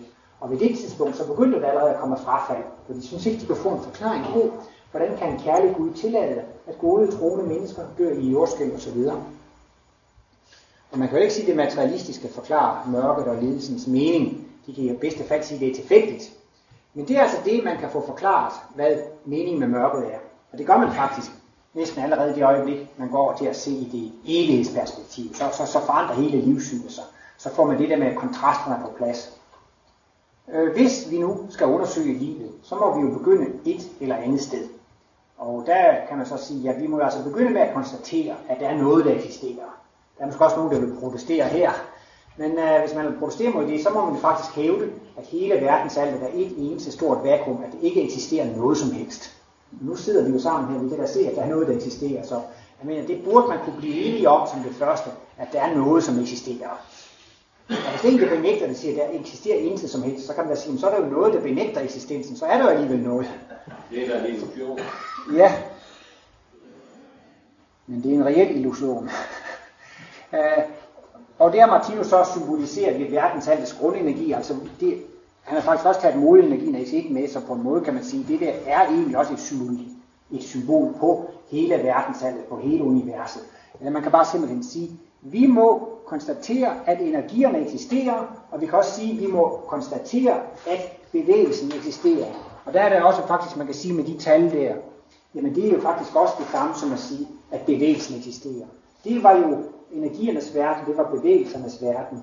Så ved talsystemet kan man sige, at det er jo præsenteret ved den højre del, det ene tal efter det andet tal, det er jo den ene energi efter det andet. Alle tallene repræsenterer en bevægelse, og det er jo det, vi har i energierne. Hvis vi studerer energierne noget grundigere, så vil vi se, at der er en årsagsvirkningskæde.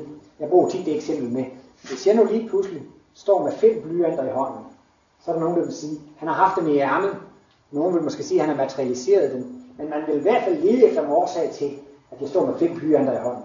Man kan ligesom ikke forestille sig, at de bare er kommet der tilfældigvis. Altså man vil da have, hvordan pokker kan han lige pludselig have fem blyanter i hånden, ikke? Har han haft den i lommen, har han haft den i ærmet, har han materialiseret den. De kan ikke bare tilfældigvis komme der. Der må være en årsag til, at de er kommet der, ikke? Det er bare et eksempel på, at vi er simpelthen så vant til i al vores tænkning. Det er en årsag til alting. Hvorfor står stolen der? Jamen det er jo fordi, at Jørgen stillede den der, eller hvorfor? Det er jo en årsag til, til det hele. Og det kan man altså ikke komme udenom, når man begynder at studere det. Det er årsag og virkning, årsag og virkning. Og det var så det, Martinus sagde, jamen altså, på en måde kan man sige, at nul, det er jo egentlig årsag til, at man overhovedet kan få de her kredsløb, at man kan få nogle virkninger. Så det her med nullet, der starter kredsløbet, det er, altså der er nullet, kan man sige, det svarer jo næsten til det der indsnævrede punkt. Det siger han, det er årsag, og det er virkningen. Og det skaber så en ny årsag, det skaber en ny virkning. Og øh, undersøger man så denne store årsag-virkningskæde, som vi kan se i naturen, så kan vi se, at denne årsags-virkningskæde afslører stor logik.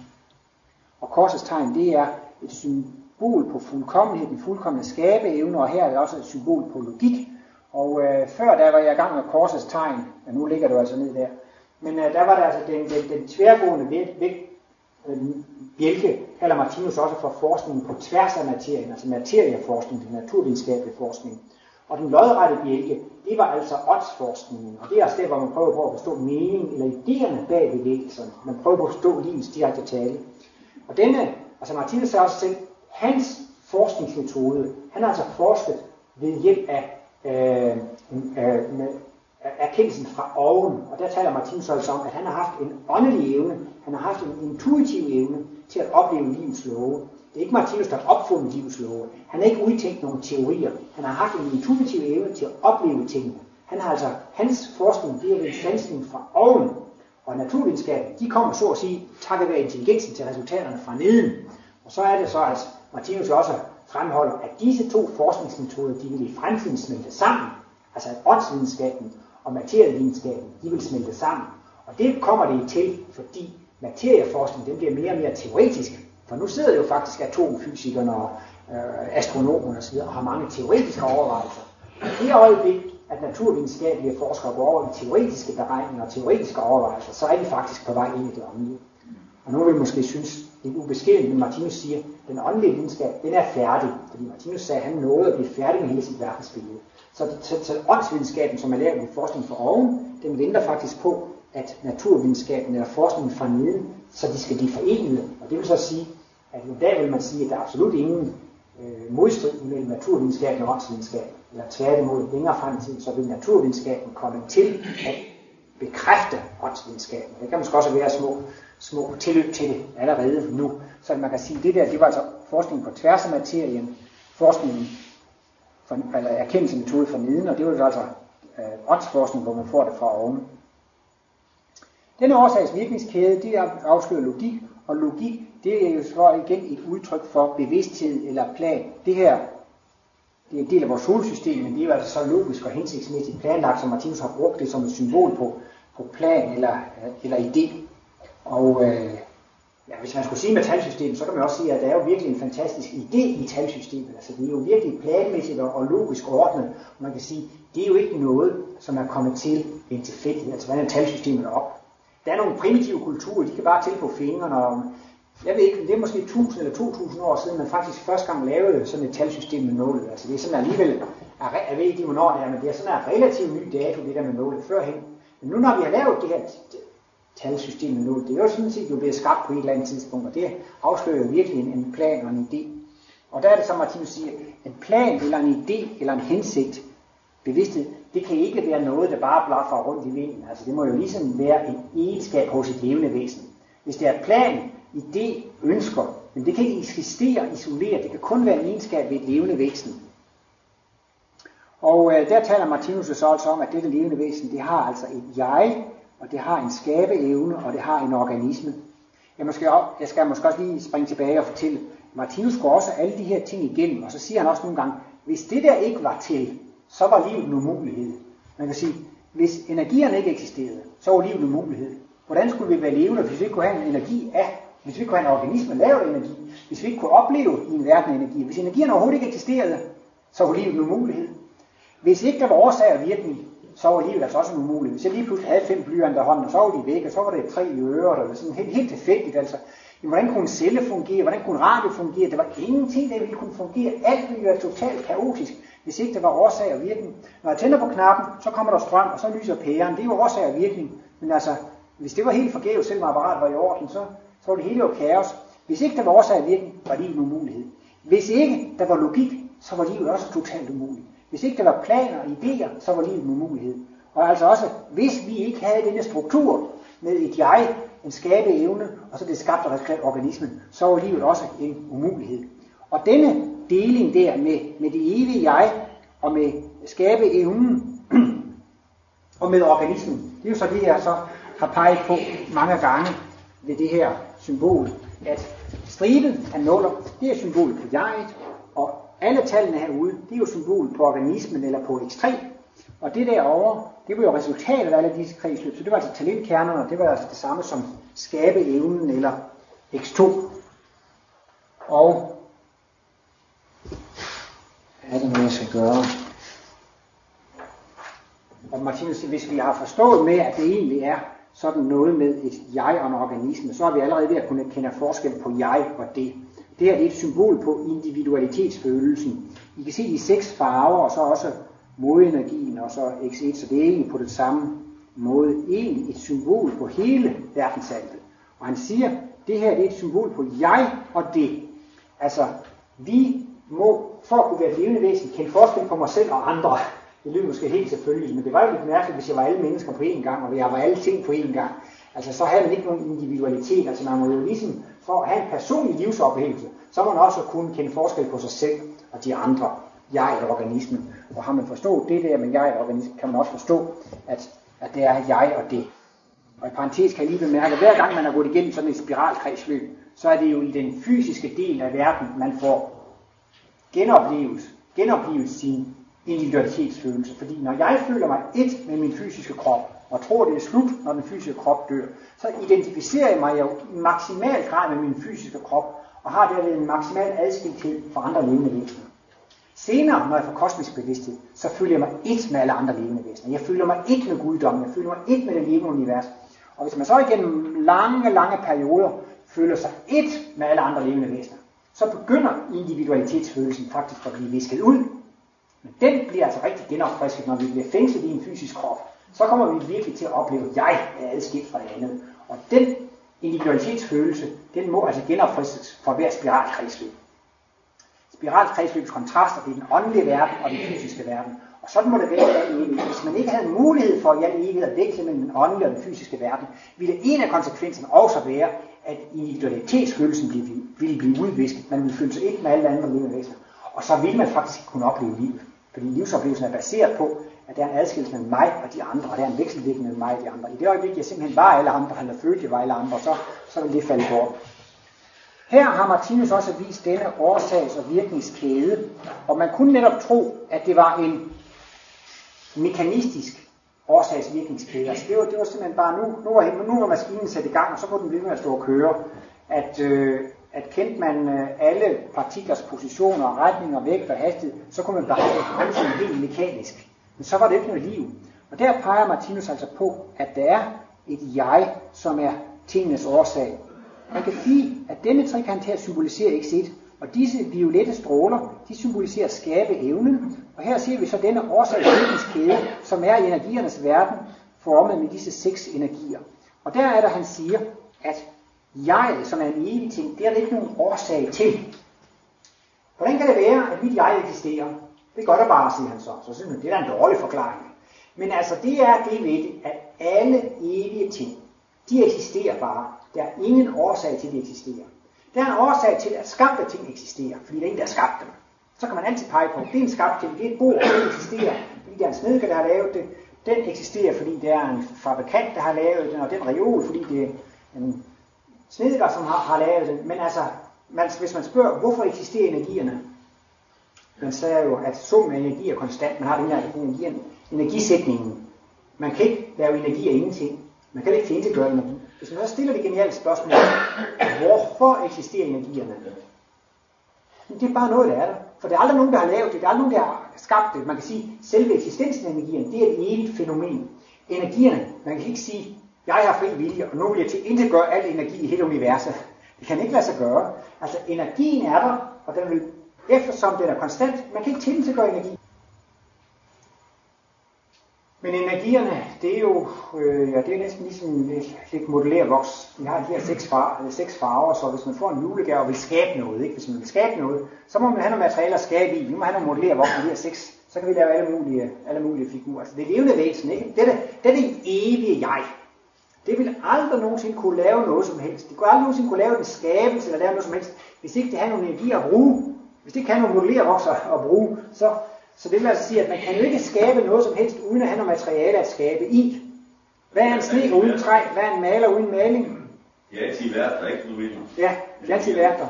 Og de står så altså til rådighed. Man kan også sige, at energi er det samme som bevægelse. Energi er det samme som bevægelse. Og man godt.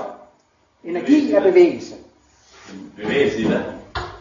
Altså bevægelse, det, det skal være i et eller andet et moment. Ja, altså man, man kan selvfølgelig tale om en rent konkret fysisk bevægelse her. Så kan man sige, at øh, den røde farve der, hvis man, så kan man sige, det bevæger sig jo ikke. Jo, på en måde bevæger det sig også, fordi at man kan sige, at det har en vis frekvens, en vis bølgelængde. Ikke? Så selvom den tavle, den røde tavle, den sidder jo også fast på væggen der, ikke? Men alligevel så repræsenterer den også bevægelse, fordi den røde farve, den har en vis bølgelængde. Og bølgelængde, altså det er en elektromagnetisk bølge, og den har altså også en vis frekvens. Så, så på, en eller anden måde, så må, man, kan man alligevel føre alting tilbage til, at det er en eller anden form for bevægelse. Energi og bevægelse er det samme. Og øh, X1, det er stillheden, så det er uden for energiernes verden. Ja, altså man, man kan sige, det er jo næsten ligesom i cirkus, hvor der er en jonglør, der står og jonglerer med seks bolde. Så kan man altså sige, altså, at øh, boldene, det er de energier, vi har. Og jongløren, det er jeget. Og, og hans, hans uh, talent, øh, det er jo altså skabeevnen. Han har talent for at bruge bolden. Ikke? Altså, der står en jonglør, det er jeg, som har en skabeevne, og så kan han så stå og lege med bolden, ligesom han vil. På samme måde kan vi sige, at vi har et evigt jeg, som har talent for at stå og jonglere med de her seks grundenergier. Det er altså ligesom vores bolde, det er ligesom det materiale, vi har at skabe i. Det er det, der står til rådighed for, hvordan vi vil manifestere os, hvad vi vil fortælle og forklare os og skabe osv. Og sådan er det for os omvendt. Skal vi opleve noget, så må det også være noget materiale. Og al oplevelse er baseret på bevægelse. Fordi nu kan du se, nu bevæger jeg hånden derfra og dertil, så sker der en forandring, ikke? Altså al sansning er baseret på, at man kan registrere en forandring. Hvis alt var fuldstændig ens i alle retninger, det havde den samme densitet, det havde den samme farve, det var fuldstændig ens i alle retninger, og der var intet, der bevægede sig, så ville du intet kunne opleve. Altså hvis det ikke er noget som helst, der bevæger sig, så er det jo ligesom at være i en hvid dyne eller en hvid sky eller sådan et eller andet. Altså at hvis det ikke var nogen som helst bevægelse, så ville du ikke kunne få noget som helst sanseindtryk. Så al livsoplevelse er dybest set registreret på udmåling af en eller anden form for bevægelse. Enten i lysets vibration eller en bevægelse her eller så videre. Så altså, det er jo helt logisk, at, at for at, at man kan sanse noget, når vi kan sanse noget med synsansen, så er det jo fordi, at, at de forskellige farver har forskellige Øh, og når man kan mærke, så er det måske fordi tingene har forskellige temperaturer, eller vi kan mærke, at tingene har forskellig densitet, og altså, så derfor er al sansen baseret på øh, udmåling af bevægelsesforskelle faktisk. Men altså, hvis netop tingene er ubevægelige og stille, hvis det ingen bevægelse er til stede, så er der ingen indtryk. Men så han siger at jeg, det er det faste punkt, det er, det er noget, der oplever. Og det er også et problem, at vi kan ikke opleve jeg, for det er ikke noget, der bevæger sig. Altså jeg forestiller mig nogle gange, men hvis du er inde i en hvid sky, der intet bevæger sig, og den har samme farve og samme tæthed i alle mulige retninger, ikke? men så er du egentlig på en måde i, i et slags intet. Der er ingenting, der påvirker sanserne. Nu ved jeg ikke, men det er også nogle gange, man har de her forsøg med sanse depra- deprivation, hvad er deprivation? Altså man, man taler om, at man prøver på at øh, øh, tage øh, uh, sanse og indtrykkene væk fra mennesker, ikke? Så har man nogle gange prøvet på at sænke dem ned i en vandtank, ikke? Så de ligger flyet. Så mærker vi ikke tyngdekraften ret meget. Og så er det ingen lyde, og så er det fuldstændig mørk, og, og hvis de er sådan der i en øh, 10, 12 øh, øh, eller døgn eller sådan noget, ikke også? Så, så, går de, så går de over i den åndelige verden. Altså de, de, de, de, de slipper helt den fysiske verden, fordi at de har simpelthen praktisk talt ikke fået nogen sansindtryk fra den fysiske verden. Ikke? Og så, så går de ligesom over i en åndelig tilstand, fordi de får ingen påvirkninger her fra den. Og vi er jo vant til sådan, at vi holdt på plads i den fysiske verden af de her, af de her sanser. Det er forsøg, du henviser til. Ja, man har simpelthen prøvet, og, og hvordan reagerer folk på ikke at få sansindtryk. Og så har man så ligesom prøvet på at... Folk bliver direkte sindssyge af de procenter. Ja, få sansindtryk. Og det er så på en eller anden måde, man ligesom prøver at berøve dem de her oplevelsesmuligheder. Men øh, ja. Det er nogle russer, der har lavet det. Ja. Sådan noget Martinus går også her meget ind på dette, dette x1, x2, x3, men der, der har han sine x-analyser, hvor han ligesom er inde på, at dette x1, det er bare et noget, som eksisterer, det kan aldrig have været begyndt. Og han har også det her med skabeevnen, det er også noget evigt, og det er også bare noget, som er.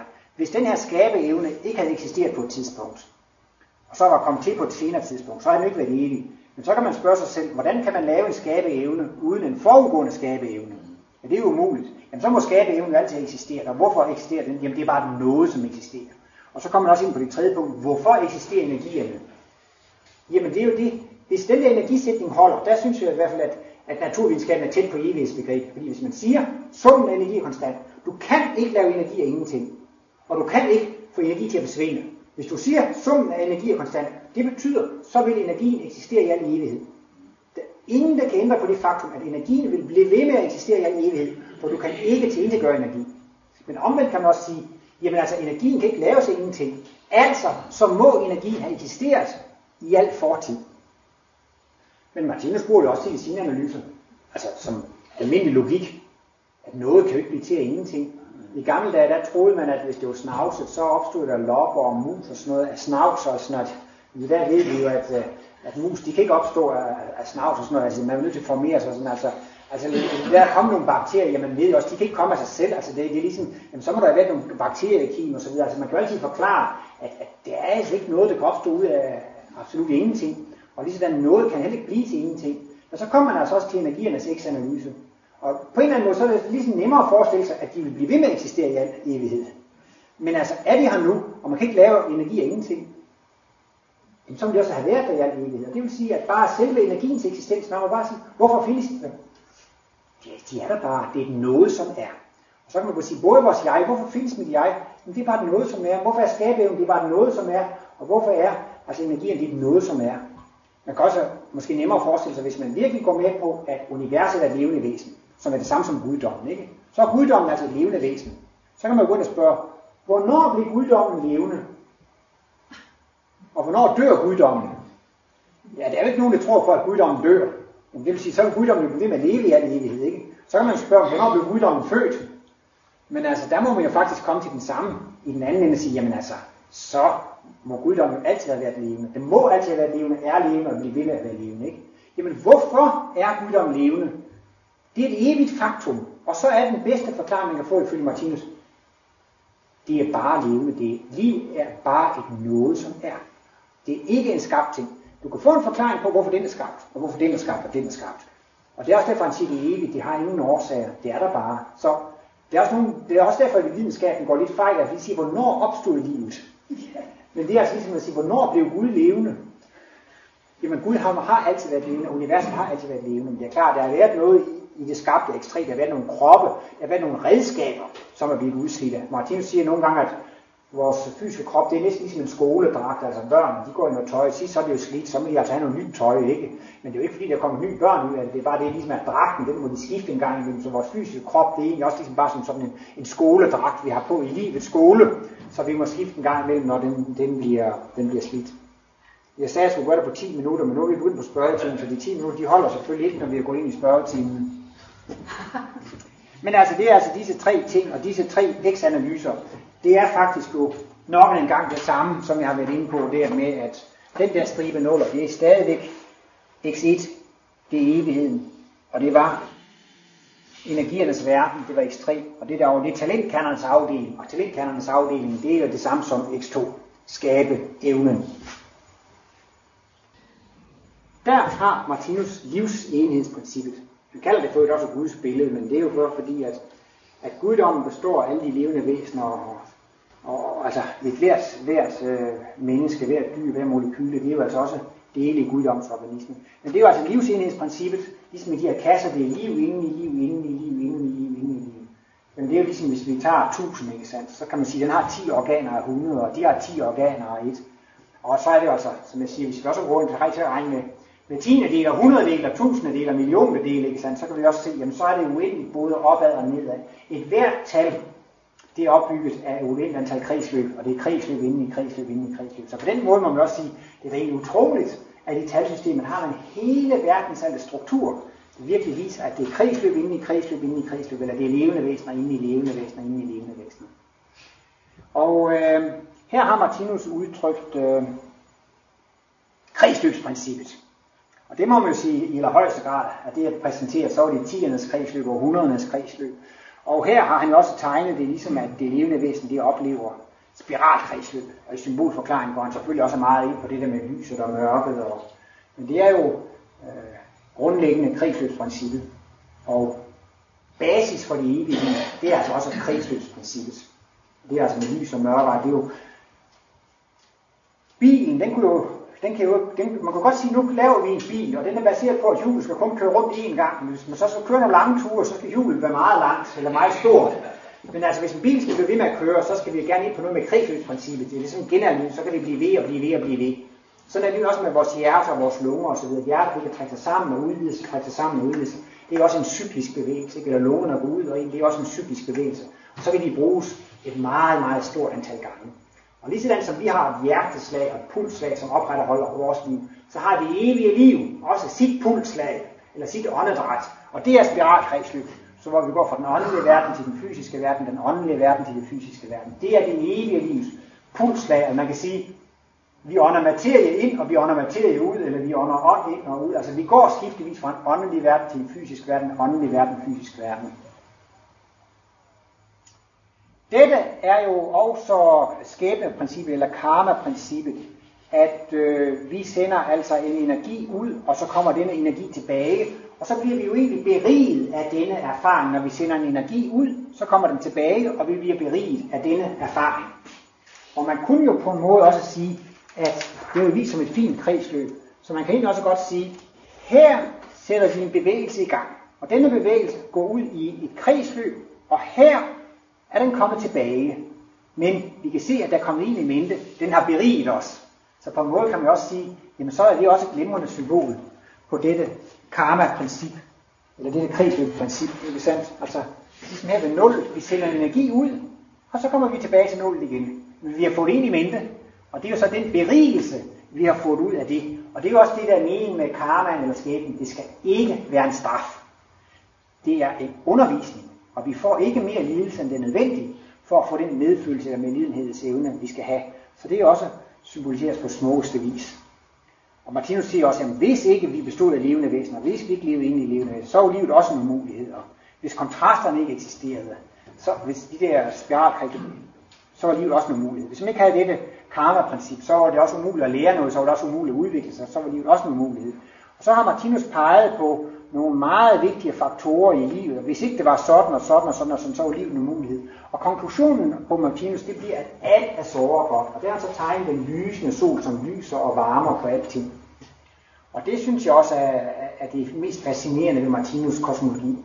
At det viser, at alting er såre godt. Og øh, Martinus har også udtrykt det på den måde, at han har sagt, at alle mine analyser, de går op i dette, at alt er udtryk for kærlighed. Alle hans analyser viser, at alt er såre godt. Andre steder siger han også, at alle mine analyser går op i evigheden. Alle mine analyser de går op i uendelighed.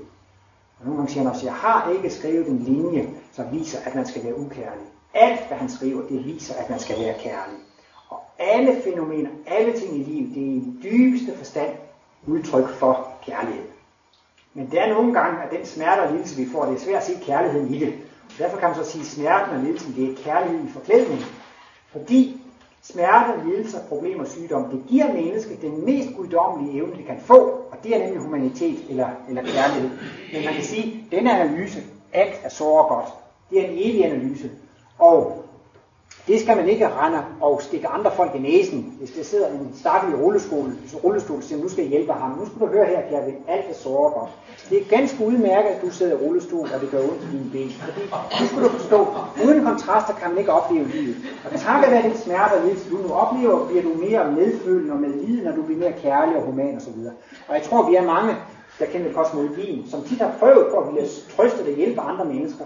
Og især hvis man kommer med de der evige synsvinkler med, at det hele er godt, og det er så guddommeligt og kærligt osv., så, så, så bliver man meget misforstået, og man hjælper ikke andre mennesker. Så derfor vil jeg nok sige, at disse evige analyser, de er bedst, når man bruger dem på sig selv. Det er virkelig godt at bruge analyserne på sig selv, og uden og så absolut vil hjælpe andre. Det er tit, man synes, når der er folk, der er forfærdelig lidelse, dem må jeg hjælpe, jeg må give dem en forklaring på det. Men, øh, men det er måske bedre, at man, øh, man bruger dem på sig selv. Og det er jo netop det der med, at, øh, at øh, vores tanker de er meget vigtige. Og Martinus er jo inde på, at har man negative tanker, så taber man i livskraft og livsmod og livsløster. Man kan blive så deprimeret og ked af det, at man simpelthen ikke orker at leve, og man vil tage sit eget liv til sidst. Og der mener jeg altså, at der er de evige analyser meget anvendelige. Fordi så kan man se, at der er en mening med det. Man kan jo begynde at forstå det her med kontrasterne, og man er klar over, at det, jeg har været udsat for nu, det danner jo baggrunden for, at det får det meget bedre senere. Og der er også mange mennesker, som siger, at det er rigtigt det der med, at man går styrket ud af enhver krise. Altså, man har nogle problemer, nogle besværligheder, men når man er ude af krisen, så er man faktisk blevet beriget. Man er blevet mere erfaren, og, og man kan også nyde livet på en helt anden måde bagefter, end da, end da, da man var i det. Så disse evige analyser, de kan jo give en en helt anden synsvinkel på det. Jeg ved godt, jeg er kommet med det her citat før, det er et af mine yndlingscitater, men jeg tager det alligevel igen. Det er fra Bøndens Mysterium, andet kapitel, hvor Martinus han spørger om, at de foregående kapitler han spurgte om, kan intelligens garantere lykken? Kan troen garantere lykken? Ja, selv de mest intelligente mennesker kan miste deres kæreste, og de kan blive, og de kan blive kede af det. Men han stiller spørgsmålet, kan bønden garantere lykken? Så siger han ja, i forbindelse med kosmisk viden, så kan bønden blive så fuldkommen, at den kan holde nedtryktheden og sorgens slagskygger ude fra individets sjælsområde. Og det betyder noget i retningen af, at hvis man har en kosmisk viden, det vil faktisk sige, hvis man forstår kosmologi, hvis man forstår de her evige analyser med kontrastprincip, man forstår, at alt er såre godt, og, og man får medlidenhed og medfølelse ved selv at lide og føle, og udvikling går frem mod fuldkommenhed, så har man denne kosmiske viden. Men det er ikke nok. Så siger han, i forbindelse med, med bønden, som kan blive så fuldkommen, så kan man faktisk gå smerter og problemer og lidelse igen, uden at blive nedtrykt, uden at blive ked af det. Der er tit, man tror, jamen hvis jeg er syg og smerter og problemer, så er jeg nødt til at blive deprimeret og nedtrykt. Men altså bønden, og der taler Martin så om ved bøn og meditation, der kan man fra åndelig side få så meget kraft og styrke og inspiration, så man faktisk kan gå igennem sine smerter og problemer, uden at blive nedtrykt. Men han siger faktisk, de to ting, man skal have, altså man skal have kosmisk viden, det er jo faktisk at forstå de her kosmiske analyser, både med reinkarnation og skæbne, men også det uendelige perspektiv. Men det er ikke nok med forståelse i sig selv. Det er ligesom om, det er bare ligesom en, lidt mere, føle, lidt mere intelligensmæssigt. Man skal også ligesom have lidt af følelsen med, og det får man lidt mere ved bønden og meditationen. Og så kan man altså virkelig ved hjælp af disse evighedsanalyser og ved hjælp af bønden øh, få en sådan indstilling til liv, at man er i stand til at klare måske livets selv sværeste situationer med humør og, og, og velvære i behold, altså uden at man behøver at blive, blive nedtrykt. Men siger han, altså bønden kan blive så fuldkommen, så det er ikke bare en beslutningssag at gøre det, det er jo så altså noget, man skal, øh, skal udvikle sig til, eller udvikle sig, sig hen imod. Men tænk alligevel, hvis man sådan virkelig har forstået kosmologien til bunds, ikke? hvis den tanke vibrerer igennem sin bevidsthed, alt der sårer godt, hvordan kan man så blive vred på andre? Hvordan kan man blive sur på andre? Hvordan kan man blive nedtrykt og, og ked af det altså? Men det er selvfølgelig lang vej, men det er faktisk, analyserne viser, at alt er såre godt. Og jo mere man arbejder med dem, og jo mere man forstår det osv., jo lysere vibrerende får man. Så det må jo være vidunderligt, den dag vi ligesom kan se alt ud fra evighedens synsvinkel, for så vil man virkelig kunne, kunne se, at, altså, at alt er såre godt. Det må man virkelig kalde positive tanker. Men det er jo så tit klart, når man møder et ubehageligt menneske, øv, hvad han irriterer med. I stedet for ligesom at sige, jamen det er, jo, det er jo mit møde med guddommen, og det er jo den alle kærlige, alle mægtige og alvinende guddom, som hjælper mig frem i min undervisning ved at præsentere mig for nogle af de fejl, jeg har gjort tidligere. Jeg var egentlig ikke opmærksom på det, men nu er jeg da glad for, at jeg har mødt sådan et såkaldt irriterende menneske, som har vist mig min dårlige side, og nu skal jeg da virkelig love mig selv, at sådan vil jeg aldrig gøre mere. Jeg er faktisk glad for, at jeg er blevet gjort opmærksom på, at det er irriterende. Det skal jeg sandelig ikke gøre mere. Tak så til guddommen for undervisningen, og man kan også ligefrem takke sine fjender og sige, tak fordi du, du, du hjalp mig frem. Så vil man jo opleve livet helt anderledes positivt. Det største problem, siger Martinus, det er det der med martyriums tanker. Altså man, man siger, det er min ægtefælle, der er årsag til mine problemer. Det er mine børn, det er min chef, det er min kollega. Og sådan ser det jo ud i den fysiske verden. Man kan jo ikke se andet med de fysiske øjne, at det er de andre, der er årsag til problemerne. Og det siger han, det giver martyriumstænkning. Eller offertænkning. Og der er jo mange af dem, som er, hvad hedder det, som er terapeuter og, og healer og som helbreder folk osv. De siger jo samstemmende, at langt de fleste af deres klienter, de lider af offertænkning. Altså når folk bliver syge og dårlige og går ned med flaget, ikke sandt? så er det altså typisk mennesker, som de andre skyld, og som ligesom har et livssyn. Det er systemets skyld, det er værets skyld, det er kommunisternes skyld, det er statens skyld, det er kolleger. Altså, det er altid noget ved de andre, der er skyld i det. Og det giver altså meget negative tanker, og det taber altså livskraft og livsløst, og så, så, så, så, så, så kører man altså ned.